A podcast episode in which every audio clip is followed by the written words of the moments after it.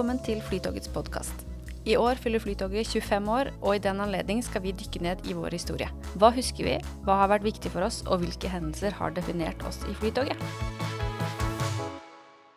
Mitt navn er Elisabeth Gjestland, og i dag har vi kommet til en litt tung periode i Flytogets historie. Vi har kommet til 2019, og koronapandemien lurer rett rundt hjørnet. Denne gangen er jeg så heldig at jeg har fått med meg Philip Engedal og Erik Melle i studio. Velkommen begge to. Tusen takk. Takk for det. Nå er vi jo så tett på nåtiden at eh, jeg tipper de fleste kjenner dere godt. Men eh, kan dere ikke fortelle kort hvem dere er, og hvor lenge dere var eller har vært i Flytoget? Ja, siden du ser på meg, så vil jeg svare først. Eh, Jeg har jo vært med siden 2017. Da begynte jeg som administrerende i Flytoget. Og så ga jeg meg da i, i februar 2023. Jeg har vært ansatt siden september 2005, så jeg har akkurat runda 18 år. Um, og er nå da klubbleder i uh, Lokomotivpersonalets forening Oslo, Klubb Flytoget. Og flytogfører. Og flytogfører, ja. Stillgang. Og som jeg sa i introen, nå har vi kommet til 2019. Hvordan husker dere hvordan det var i Flytoget i 2019? Da var det bare velstand. Det var jo et fantastisk år. Vi hadde satt omsetningsrekord, vi hadde resultatrekord.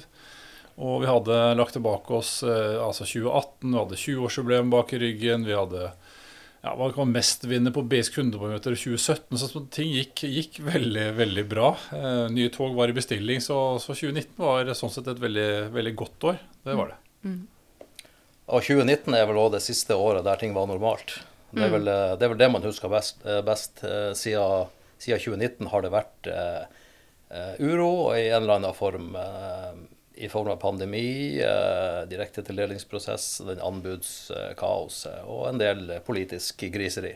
Ja, det stemmer det. det. Det var jo noe ting i, i Kjømda der, da, men det var ikke så nært. Eh, altså Direktoratet hadde jo blitt etablert i 2017 og begynt å virke litt. og hadde begynt å agere litt for departementet, men, eh, men, men det var ingenting som var konkret lenger. Altså Det var eh, ja, noen, eh, noen tanker og retninger, men ikke noe som var sånn direkte eh, farlig for oss.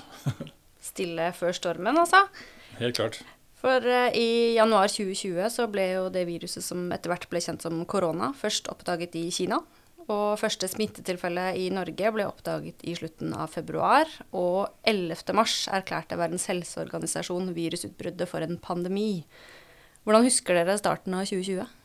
Ja, Januar er jo som vanlig litt sånn eh, Husker man ikke, for det går sånn treigt i gang. Men jeg husker i hvert fall at vi, vi hadde oppmerksomhet rundt dette ganske tidlig. Eh, og jeg husker også at vi satte jo beredskap eh, før eh, i slutten av februar, mener jeg det så vi var sånn sett, hadde gjort en vurdering av det som, det som kom til å skje etter hvert. Da. Så vi var, vi var, på, vi var på alerten, men, men klart ingen visste jo hva som kom til å skje deretter. da. Men vi fulgte litt med.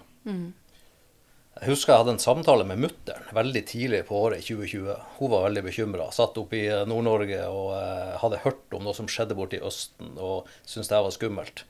Um, og da sa jeg til henne det her det kommer vi til å le av om et halvt års tid, så sitter vi og tenker at, eh, tenker at vi trodde det her skulle, eh, skulle gå utover oss. Så det er en uttalelse jeg angrer, angrer mange ganger på. Det var kanskje greit at vi ikke visste hvordan det ville bli. Ja, ja, ja og nei. Eh, jeg kommer sikkert inn på det, da, men klart hadde vi visst at det skulle vart så lenge, så ville vi gjort ting kanskje på en litt annen måte. da. Så, så det der å hele tiden eh, leve i uvisse eh, var jo jeg vil si, litt plagsomt. Ja, slitsomt. Men når skjønte dere at dette kommer til å få store følger for Flytoget?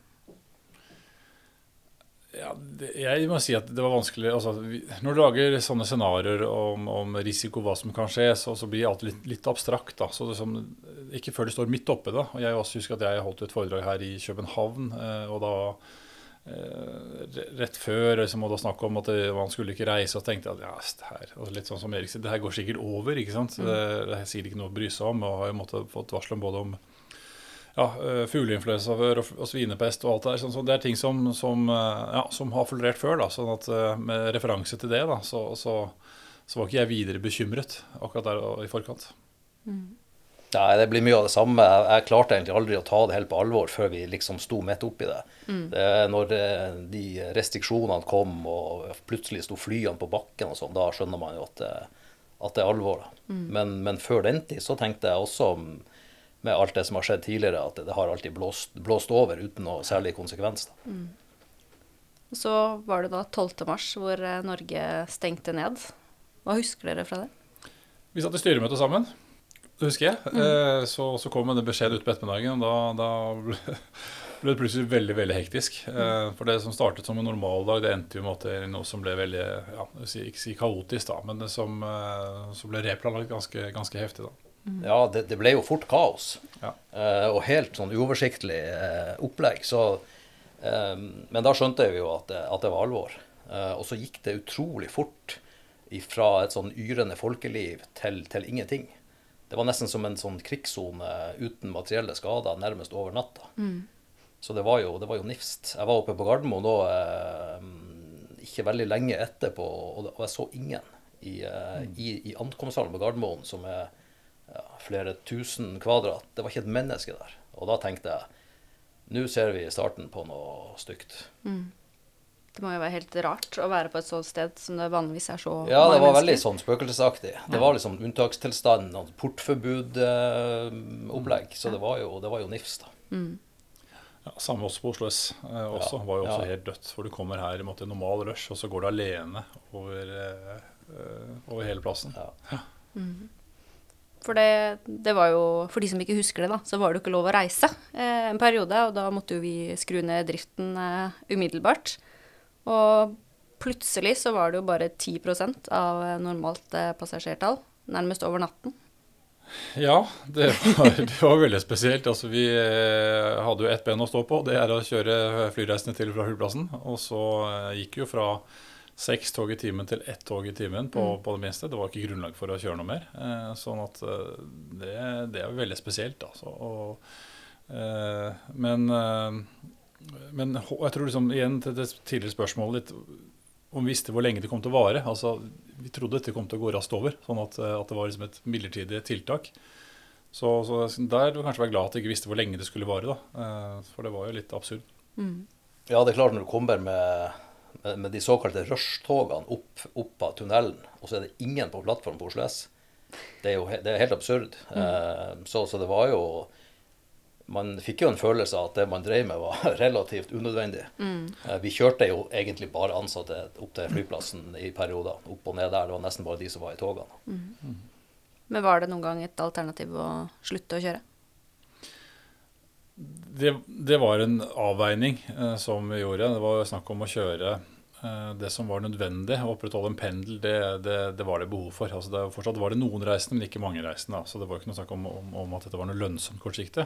Eh, samtidig så, så var det også dialog med Jernbanedirektoratet, eh, som også var opptatt av at vi opprettholdt en viss frekvens. da. Men også der i starten var det ganske kaotisk. Man liksom visste helt hva man skulle anbefale eller gå for, og også en arbeidsdeling mellom oss og Vy var også veldig utydelig. Da. Sånn at eh, vi sa vi må, vi må holde hjulene litt i gang, men, men kommersielt var det ikke grunnlag for å kjøre noe som helst. Eh, men i hvert fall eh, det å dekke minimumsbehovet eh, og være relevant, da, det, det, det var det vi landet på. Da. I starten så var det når det var som mørkest, da, ett tog i timen, og så ja, vurderte vi det annerledes etter hvert. da. Men det er jo ja, ganske rart å jobbe i et selskap som egentlig eksisterer fordi folk skal ut og fly, og så er det ingen som skal ut og fly. Ja, og det er jo sårbarheten med konseptet her. Ja. Vi er jo helt prisgitt at eh, folk reiser med fly. Eh, hvis de forsvinner, så, fors- så forsvinner jo vi òg. Ja.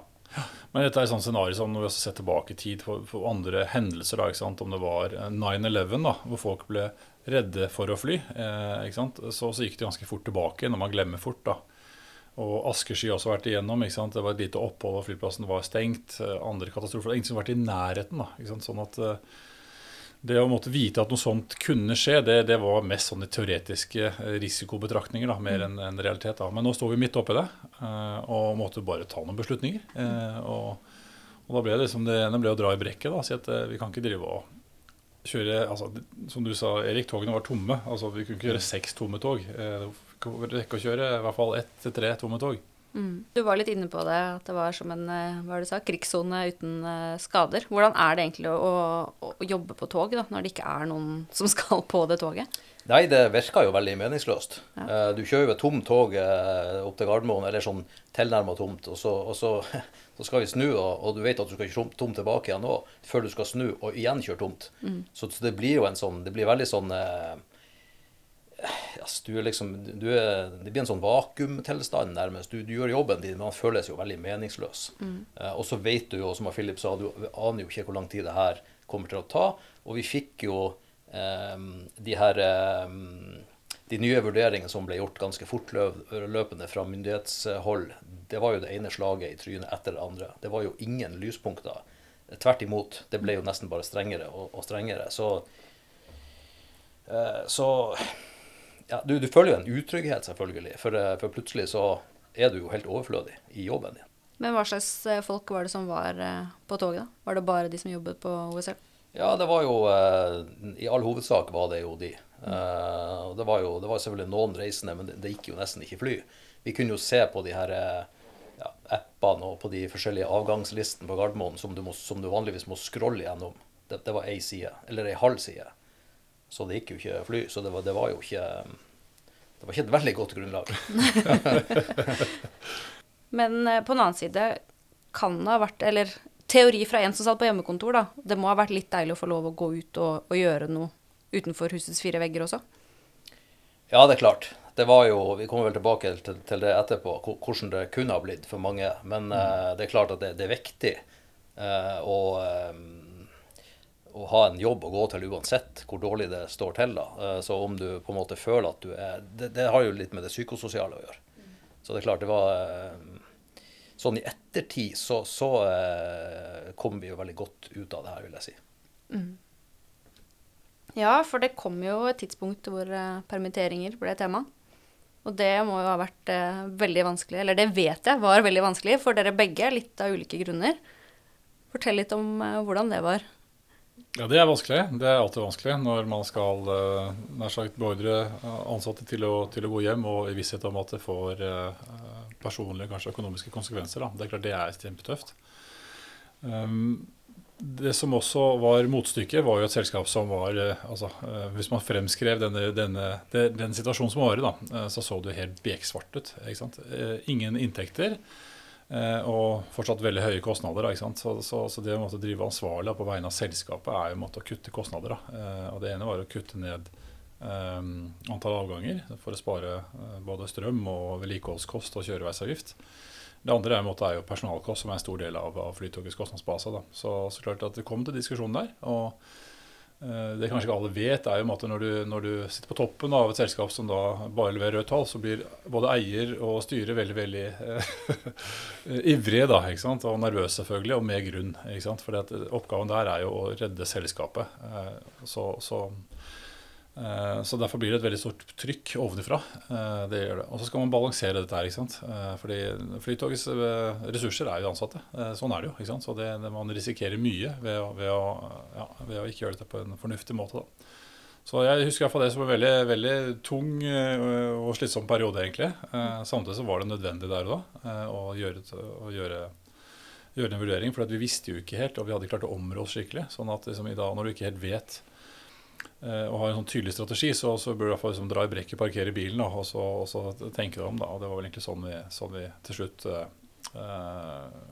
ja, endte, endte, opp, da. Mm. Ja, det som var Altså, i den grad man kan si at det var lett, så var det jo en altså Avgjørelsen var jo, var jo ganske åpenbar. Alle, alle forsto jo at ja, når du gjør noen Eh, men det er, jo, det er jo, veldig det er jo ubehagelig eh, å sitte og være en del av en gruppe som skal sende dine egne kollegaer eh, ut i en, en, form for arbeidsledighet. Mm. og for vår del så var det jo medlemmene våre det gjaldt. Jeg var jo, jeg var jo konstituert leder. Jeg ble jo pælma inn i det ledervervet bare en to-tre måneder før det her skjedde. Så det her var jo ilddåpen.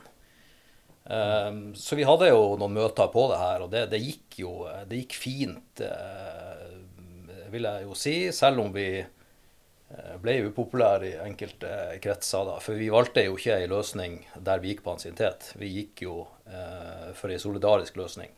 alternativet var jo å sende ja, rundt 60 hoder ut i, i 100% ledig, eller at vi tok ei, ei kollektiv permittering der alle gikk ned 60 da, så vi jobba 40 Og vi visste jo at det kom til å bli krevende blant dem som var blant topp 40, da, for å si det sånn. Og det gikk ikke så mange minuttene før, de, før permitteringsvarselet var sendt ut, før den første sinte telefonen kom. Mm. Men det var vi forberedt på, så det var Vi ville ha gjort akkurat det samme i dag. For det der var Det var, det, hadde, det var aldri et alternativ hos oss eh, å gjøre det på en annen måte. Eh, det var noen, noen, små diskusjoner om det her, men det var ikke noe Vi, vi hadde bare én måte å gjøre det på. Og det, og det gjorde vi. Og vi ville gjort det samme igjen. Mm.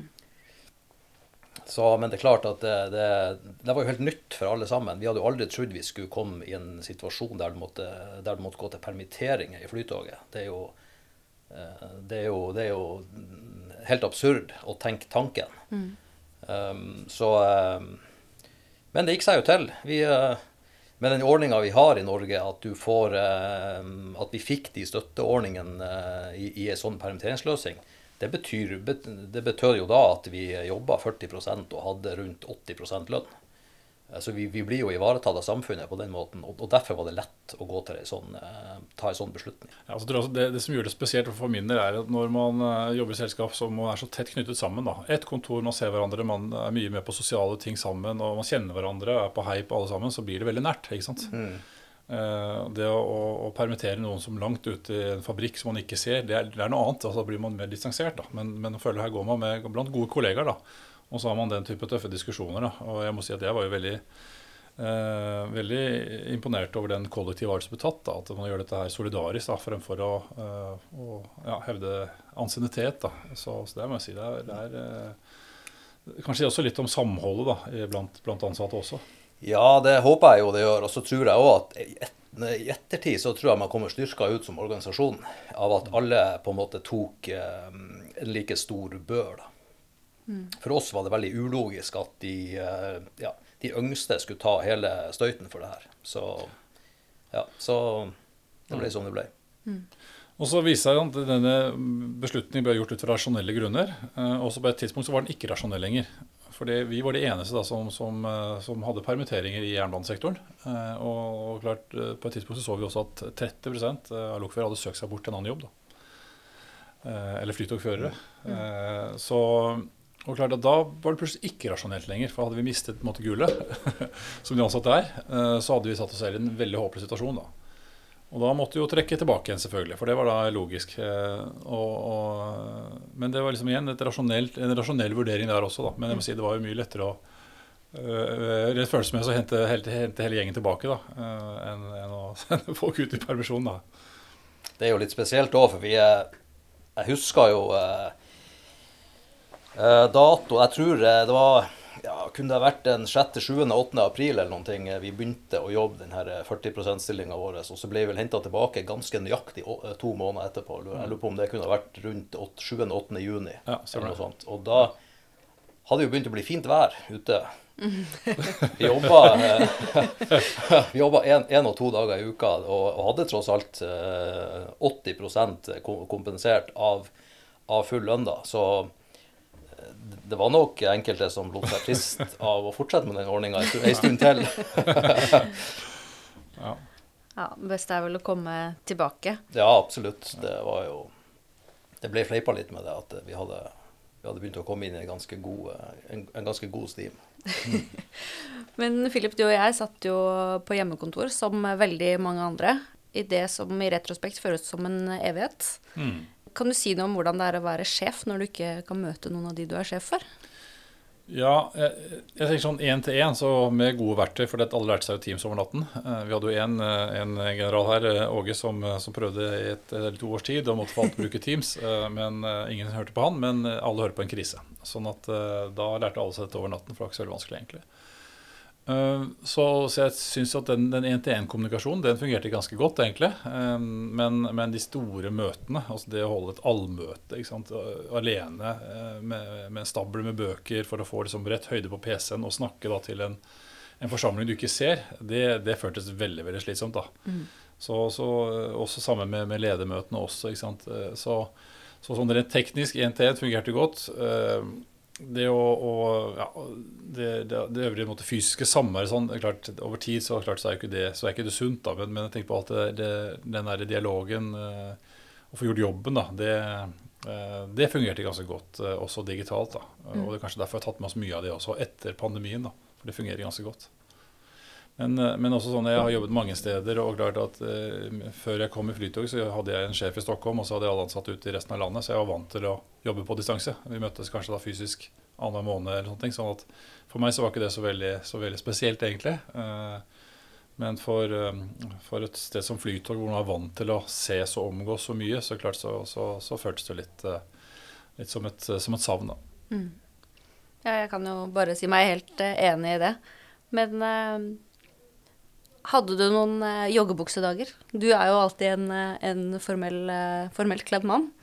Ja, det gjør, jeg, det gjør jeg egentlig for å unngå måte, å, ta, å, ta, valg, egentlig. Bare ta noen forhåndsbestemte valg. Derfor går jeg alltid med dress og bytter skjorte. Det er stort sett det, det jeg gjør. Det er veldig enkelt. Akkurat som, som Erik. Han tar også på seg uniformen, så gjør det veldig enkelt. Slipper å tenke og stå foran speil og, og, og, studere det ene plagget etter det andre. Men det er klart, jeg må innrømme at jeg gikk ikke med dress hjemme. Det, det, det gjorde jeg ikke. Nei. Nei. Nå har jo jeg vært gjennom hele Flytogets historie her, og vi har jo en tendens til å komme oss ganske godt gjennom kriser. Men, og vi har vel kommet oss gjennom denne krisen også, men uh, det var en langvarig og ganske hard uh, periode, det her. Ja, det var jo det. Og det, var, det er veldig mange forhold her. Det ene var jo for å, for å, altså, bekymringen liksom var selskapets overlevelse. og det var klart, vi, vi, trodde jo at dette kom til å gå. Vi visste det kom til å gå på et eller annet tidspunkt. Vi sa etter sommeren. Vi visste ikke bare hvilken sommer det var. da. Mm. Vi trodde det var sommeren 2020, og så var det jo måte sommeren eh, 2021 med litt oppblussing. sånn at vi visste jo ikke det. Men vi brukte tid på å lage en strategi, og så sa vi vet hva vi må holde fast ved strategien, fordi at når dette er over, så vil fortsatt eh, Flytoget være like lønnsomt. Og skal vi være relevante i tidsperioden, så må vi i hvert fall ikke ta bort tilbudet til våre mest lojale eh, kunder. da. Fordi etter hvert så begynte jo folk å reise igjen, og da var det forretningsreisende, og så var det måte, de som hadde viktige roller i samfunnet. da. Det som var irriterende, var at vi fikk jo ikke den anerkjennelsen eh, for den tjenesten som vi gjorde. fordi det ble da opp, muligheter for, for enkelte å, å, reise og bevege seg fritt, altså blant de som hadde en, en jeg husker ikke hva begrepet var, da, men den sentrale rolle i samfunnet. Da, og, og, vi hjalp jo til med det, få folk til, til å reise. De, de, folk var ikke ute og fløy av moro skyld under, under, pandemien. Det var liksom ikke granka, det var nødvendige reiser. Og vi ville gjerne bidra der, men fikk ikke den anerkjennelsen fra direktoratet. da. Så, så det var litt, litt fortvilende at uh, vår konkurrent fikk da uh, midler til å styrke sin konkurranse under pandemien, mens vi ikke fikk det. da, Altså rent finansiell støtte. da. Så den der forskjellsbehandlingen det, det, var ekstremt plagsomt. da. Eh, og, og det, det, men allikevel, på tross av det, så, så ja, besluttet vi oss etter hvert for å si at hva, vi, eh, vi kjører på, vi må være relevante og vi må tenke langsiktig, selv om det koster penger. I det, i det korte ett år i toårige perspektivet så er det som er riktig for å komme ut av, ut av krisen. Og Da syns jeg vi gjorde et veldig godt teamwork i den perioden. Uh, vi både måtte, gjorde alle operative ansatte skodde for det skulle komme, med kurs og opplæring. og eh, vi fortsatte også å holde trykk på, på utvikling, tok fram eh, altså nye, nye, innovasjoner eh, i perioden. sånn at vi virkelig var, liksom, vi var skarpe når startskuddet gikk igjen. da. Ja, som du var inne på, i motsetning til de andre togselskapene, så er jo ikke Flytoget subsidiert. Så vi får jo vanligvis ikke penger fra staten, men nå ble det jo nødvendig å få litt hjelp. Ja, det var en kamp. Ja. Eh, altså jeg vil si at, at som Erik beskrev, at det var meningsløst, eller føltes meningsløst å kjøre tomme tog. Så har vel jeg aldri jobbet så mye som, som, under pandemien. Det føltes veldig meningsfylt å stå på for selskapet i den, i den perioden. Da. Og det måtte balansere både eierperspektivet, ansattperspektivet, altså kundeperspektivet her under en sånn, eh, sånn periode, det, det, det, var ingen lett øvelse. da. Eh, og, og Nøkkelen selvfølgelig er å få likebehandling da, som de andre aktørene. altså Det å få anerkjennelse for den jobben man gjør, at den er nødvendig. Eh, der gikk det veldig veldig mye tid. da, Og det var en ordentlig kamp eh, for, å, for å sikre at vi også ble, ble tilgodesett med nødvendige midler, sånn at vi ikke ble tvunget til å legge ned, rett og slett. For det var jo, det var jo alternativet. Det slapp vi. Det slapp vi. Ja da. Nei, men til slutt så, så lykkes vi med å få, eh, få uh, også vi får subsidier, da, selv om vi ikke er så glad i subsidier. da. Jeg mm. liker det så klare selv, men, men, der var det nødvendig å lykkes til slutt med det. Mm. For deg da, Erik, som satt uh, i førerrommet. Uh, jeg husker Det var eh, ikke alle som syntes det var så gøy å skulle ha på seg munnbind hele tiden på jobb. Det var jo munnbind til og fra jobb, reise kollektivt. Det var jo munnbind på jobb. Det var jo munnbind uansett hvis du var i nærheten av folk. Mm. Men, eh, men eh, vi kjørte ikke med munnbind når vi var alene, nei. Ja, det var godt. Ja. Det, hadde blitt for mye, ja, det, hadde, det, det, det, er litt sånn overkill. Men det var jo munnbind på når du skulle ha Eh, avløsning, altså når du skulle bytte mm. uh, av og på og sånt. Så det var jo veldig strengt. Uh, og det var jo også et regime som ble fulgt, da. Uh, det er i hvert fall min opplevelse av det. Og all den her vaskinga. Vi ble, jo, vi ble jo helt sinnssykt gode på vasking. Eh, Vi vaska jo hele tida i førrommene. Så i den grad man lærte noen ting av pandemien, så var det jo å vaske i førrommene. Ja, det er bra, det. Ja, da, det er det noe vi kan si at er positivt, da? som kom ut av pandemien? Utenom at du lærte å vaske i førerrommet? Nei, altså det For, for, Flytoget sin del så, så, kan jeg egentlig ikke se at det kom noe særlig positivt ut av det. Den digitaliseringa som kom, er jo positivt for de, som, for de som bruker det i hverdagen, men eh, vi er jo enda ikke tilbake etter pandemien eh, sånn eh, passasjermessig. Det kommer vi kanskje aldri, rett og slett pga. teknologisk uh, utvikling i, underveis der. Men um, jeg sliter med å se noe sånn veldig positivt for Flytoget som selskap eh, etter pandemien. Eller at pandemien bidro til noe positivt. Det er jeg litt usikker på. Nei, jeg tenker det samme. Altså Markedsmessig så er det jo, er det jo uh, vanskelig å komme tilbake på samme nivå. Uh, nettopp pga. At teknologien gjør litt av jobben. Altså, og Det er ikke noe nytt at, at forretningsreisene har blitt erstattet med videokonferanse. Det, det, det, det, så vi jo tilbake fra 2007, en endring. ikke sant? Men, men, det akselererte jo, sånn at eh, Teams ble en ordentlig katalysator da, for, for, å få fart på det. Eh, og klart der, det er klart, Jeg tror med grunn da, eh, erstattes mange tullete reiser da, forretningsmessig med, med, Teams. Jeg merker det selv også. Så det, så det tror jeg måtte ha gjort at, at å miste litt av kundegrunnlaget for, for Flytoget. Skal fremme noe positivt, så tenker jeg at Samholdet i Flytoget tror jeg ble litt, eh, litt styrket i, i, den perioden. da. Eh, man var gjennom en felles utfordring og måtte, ja, felles, eh, felles, opplevelse, felles historie, selv om det var negativt. da.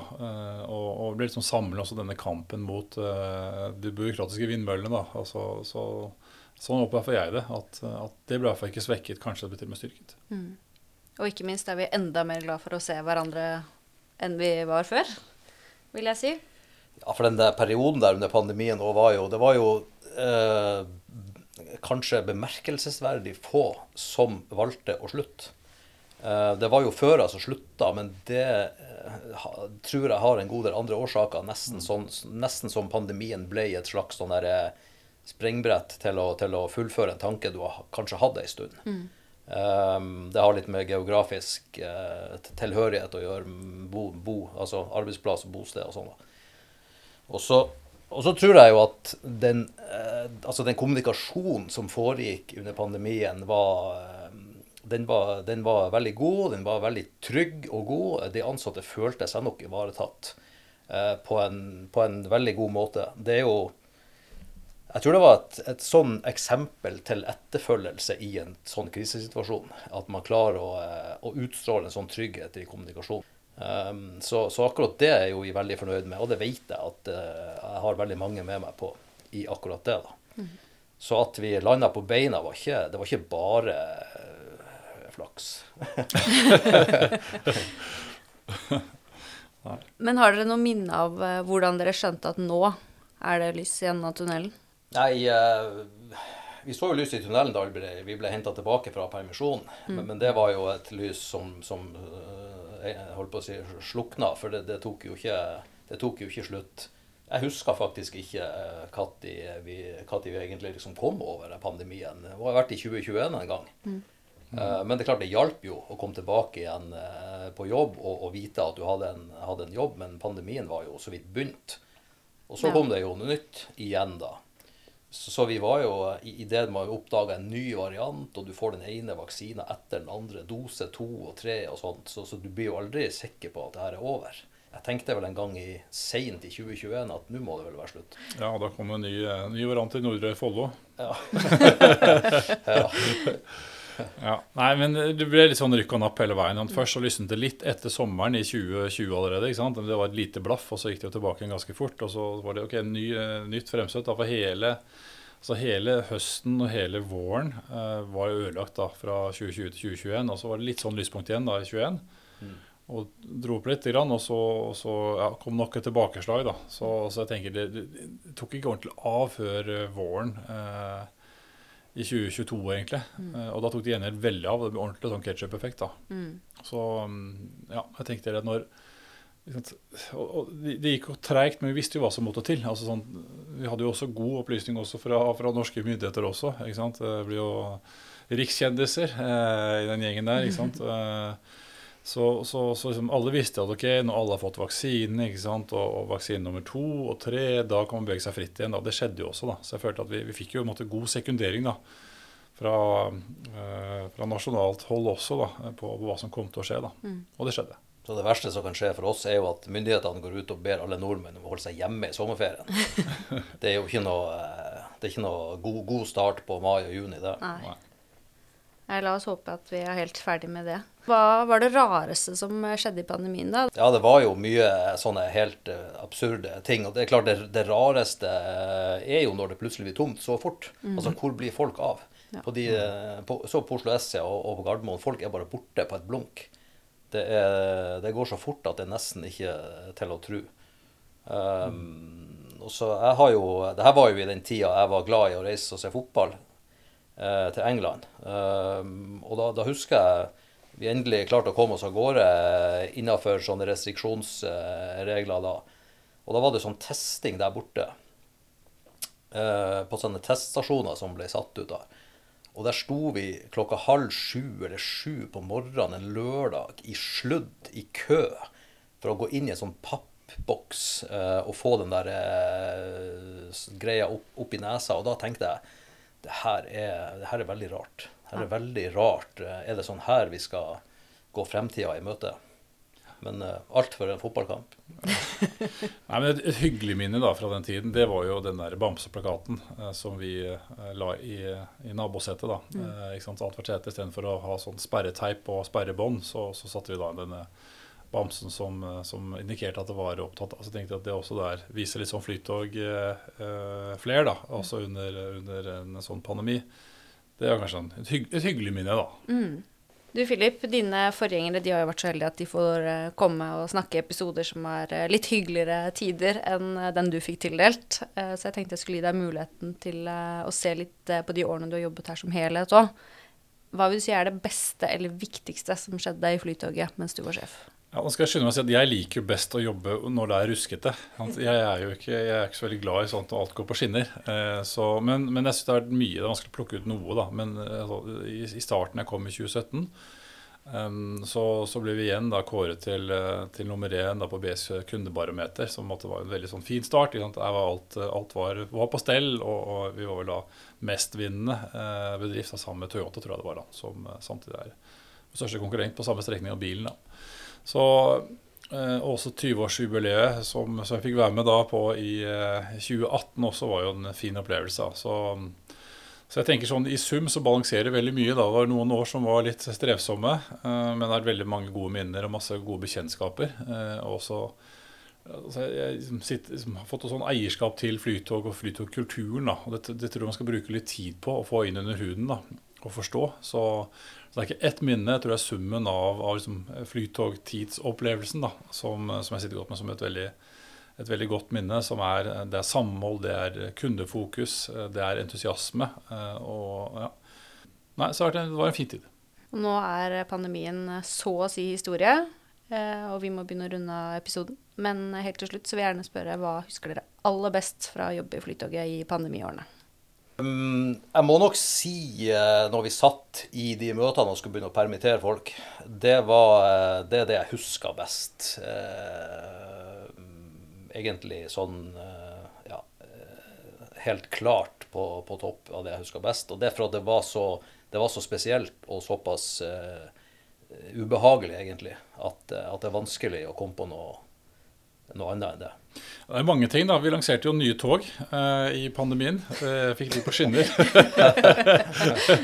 og hadde to, eh, to statsråder som, som eh, klippet snoren. da. Det, det, var et lite lyspunkt. da. Og da hadde vi en liten sånn åpning i, i pandemien. og så, ja, så, så, var det noen barnesykdommer der også. Så var sykdom på togene også, ikke bare, ikke bare blant menneskene. Så, så det, det, var et, et morsomt minne midt inne, midt inne alt det eh, ja, det, tristessen, da. Mm. Mm. Philip og Erik, tusen takk for at dere kom og hjalp meg å huske pandemiårene. Som vi egentlig ikke vil huske. Takk for det. Takk for det.